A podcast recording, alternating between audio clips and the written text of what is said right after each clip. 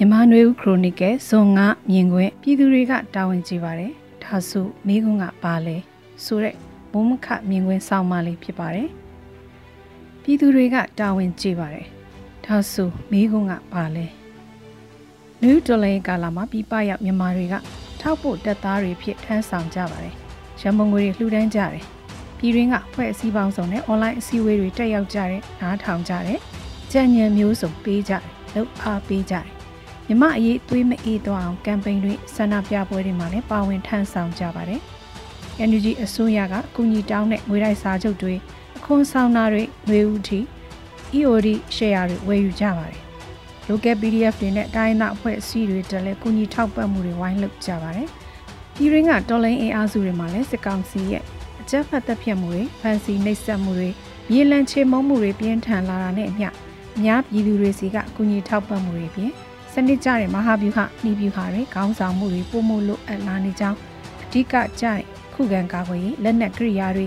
အမြဲရရှိဖို့အရေးပါလာကြောင်းပြောကြားထောက်ပြလာကြပါတယ်။နိုင်ငံတကာနဲ့အိန္ဒိချင်းနိုင်ငံတွေကမြမအရေးနဲ့ပတ်သက်ပြီးလက်တွေ့ကျတဲ့ဝင်ရောက်ဖြည့်ရှင်းမှုတွေဆွေးနွေးမှုတွေလိုအပ်နေကြောင်းကိုလည်းပြည်တွင်းပြည်ပကပြည်သူတွေကဆွေးနွေးတင်ပြကြပါတယ်။မီဒီယာတွေမှာမြမအရေးလေ့လာသူပညာရှင်တွေနဲ့အင်တာဗျူးကြတဲ့အခါမှာအများစုကမှတ်ချက်ပေးကြတာကတော့ ပြည်သူတွေကတာဝန်ကျေတယ်ဆိုတဲ့စကားဖြစ်ပါတယ်။စီရီယမ်ကာလာတုန်းကဝန်ထမ်းတွေကအလုပ်ခွင်တွေကိုစွန့်ခွာခဲ့ကြတယ်။လမ်းပေါ်တပိတ်တွေမှာဂျန်ဆက်တွေကအသက်ဆုံးပြီးတိုက်ပွဲဝင်ကြတယ်ခုခံကြတယ်။ PDF ဆိုပြီးပြည်သူခုခံကာကွယ်စစ်ပျောက်ကြားစစ်ကိုအစစ်စစ်ကျေးလက်မြို့ရွာတောတောင်နေကြတဲ့ဆင်နွှဲခဲ့ကြပါတယ်။ထောက်ဖို့ပြည်သူတွေကလည်းတောက်လျှောက်ကူညီပံ့ပိုးမှုတွေဆောင်ရွက်နေကြဆဲဖြစ်ပါတယ်။ပြည်သူတွေကိုယ်တိုင်ကစေအုပ်စုကိုမြန်မာပြည်နိုင်ငံရေးကနေအပြီးတိုင်မောင်းထုတ်ပြဖို့နဲ့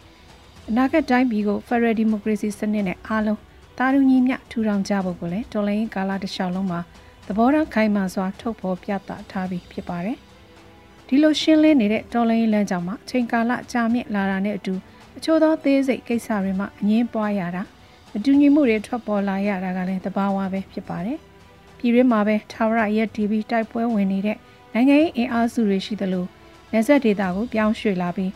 အလုတ်ပုံသဏ္ဍာန်ကိုပြောင်းလဲရက်တီလာကြတဲ့အင်အားတွေရှိလာပါတယ်။နေဆက်ဒေတာကနေပြည်ပနိုင်ငံတွေကိုဆက်လက်ရွှေ့ပြောင်းသွားပြီးတော်လှန်ရေးတဲ့ဆက်လက်လိုက်ပါဖို့နေရာယူကြတဲ့အင်အားတွေလည်းရှိလာပါတယ်။ပြည်သူတွေအများစုကတော့သူတို့ပခုံးမော်ရောက်လာတဲ့လူလူရဲ့အခန်းကဏ္ဍကနေသွေးဖီးခြင်းမရှိဘဲဆက်လက်အားပေးခြင်းထောက်ခံခြင်းကူညီခြင်းရက်တီပေးခြင်းကိုဆောင်ရွက်နေကြပါတယ်။တိုင်းမအင်အားစုတွေကိုယ်တိုင်ကလည်းအဲ့ဒီလိုရေးစည်းကြောင်းအရွှေ့ပြောင်းမှု သူတို့ဖြတ်တန်းခဲ့တဲ့သမိုင်းအတွေ့အကြုံနဲ့ရှင်ထိုးပြီးစောင့်ကြည့်နေတယ်ဆိုရပါမယ်။နိုင်ငံရေးဆုံးဖြတ်ပေးနိုင်တဲ့နိုင်ငံရေးအင်အားစုတွေဆိုသူတွေအဖွဲ့တွေမှာစူပါဦးဆောင်မှုနဲ့ဆက်လက်ချီတက်နေစေဖြစ်နေတာကြောင့်ပြည်ရေးပြည်ပကပြည်သူတွေအောက်ခြေအင်အားစုတွေကိုယ်တိုင်ကဘယ်သူတွေဘယ်ကောင်းဆောင်မှုတွေကိုဦးတည်ပြီးဘယ်စကားဘယ်အကူအညီဘယ်လမ်းညွှန်ချက်ယူချရမလဲဆိုတာကိုရှုပ်ထွေးမှုဖြစ်ကြတယ်လို့နိုင်ငံတကာကခေါင်းဆောင်တွေအဖွဲ့အစည်းတွေနိုင်ငံတွေကိုယ်တိုင်ကလည်းအဲ့ဒီလိုဝေခွဲမရမှုများ ရှိနေကြလိမ့်မလားလို့အချို့သောမြန်မာအရေးပညာရှင်တွေကမေးခွန်းထုတ်ကြတာဖတ်ရှုရပါတယ်။ဒီနေ့တော့သတင်းမြင်ကွင်းအစားအတွေ့မြင်ကွင်းကိုပဲရေးသားလိုက်ရပါကြောင်းလို့ရေးသားဖော်ပြထားတဲ့မိုးမခမြင်ကွင်းဆောင်းပါးလေးကိုတင်ဆက်ပေးလိုက်ရပါတယ်ရှင်။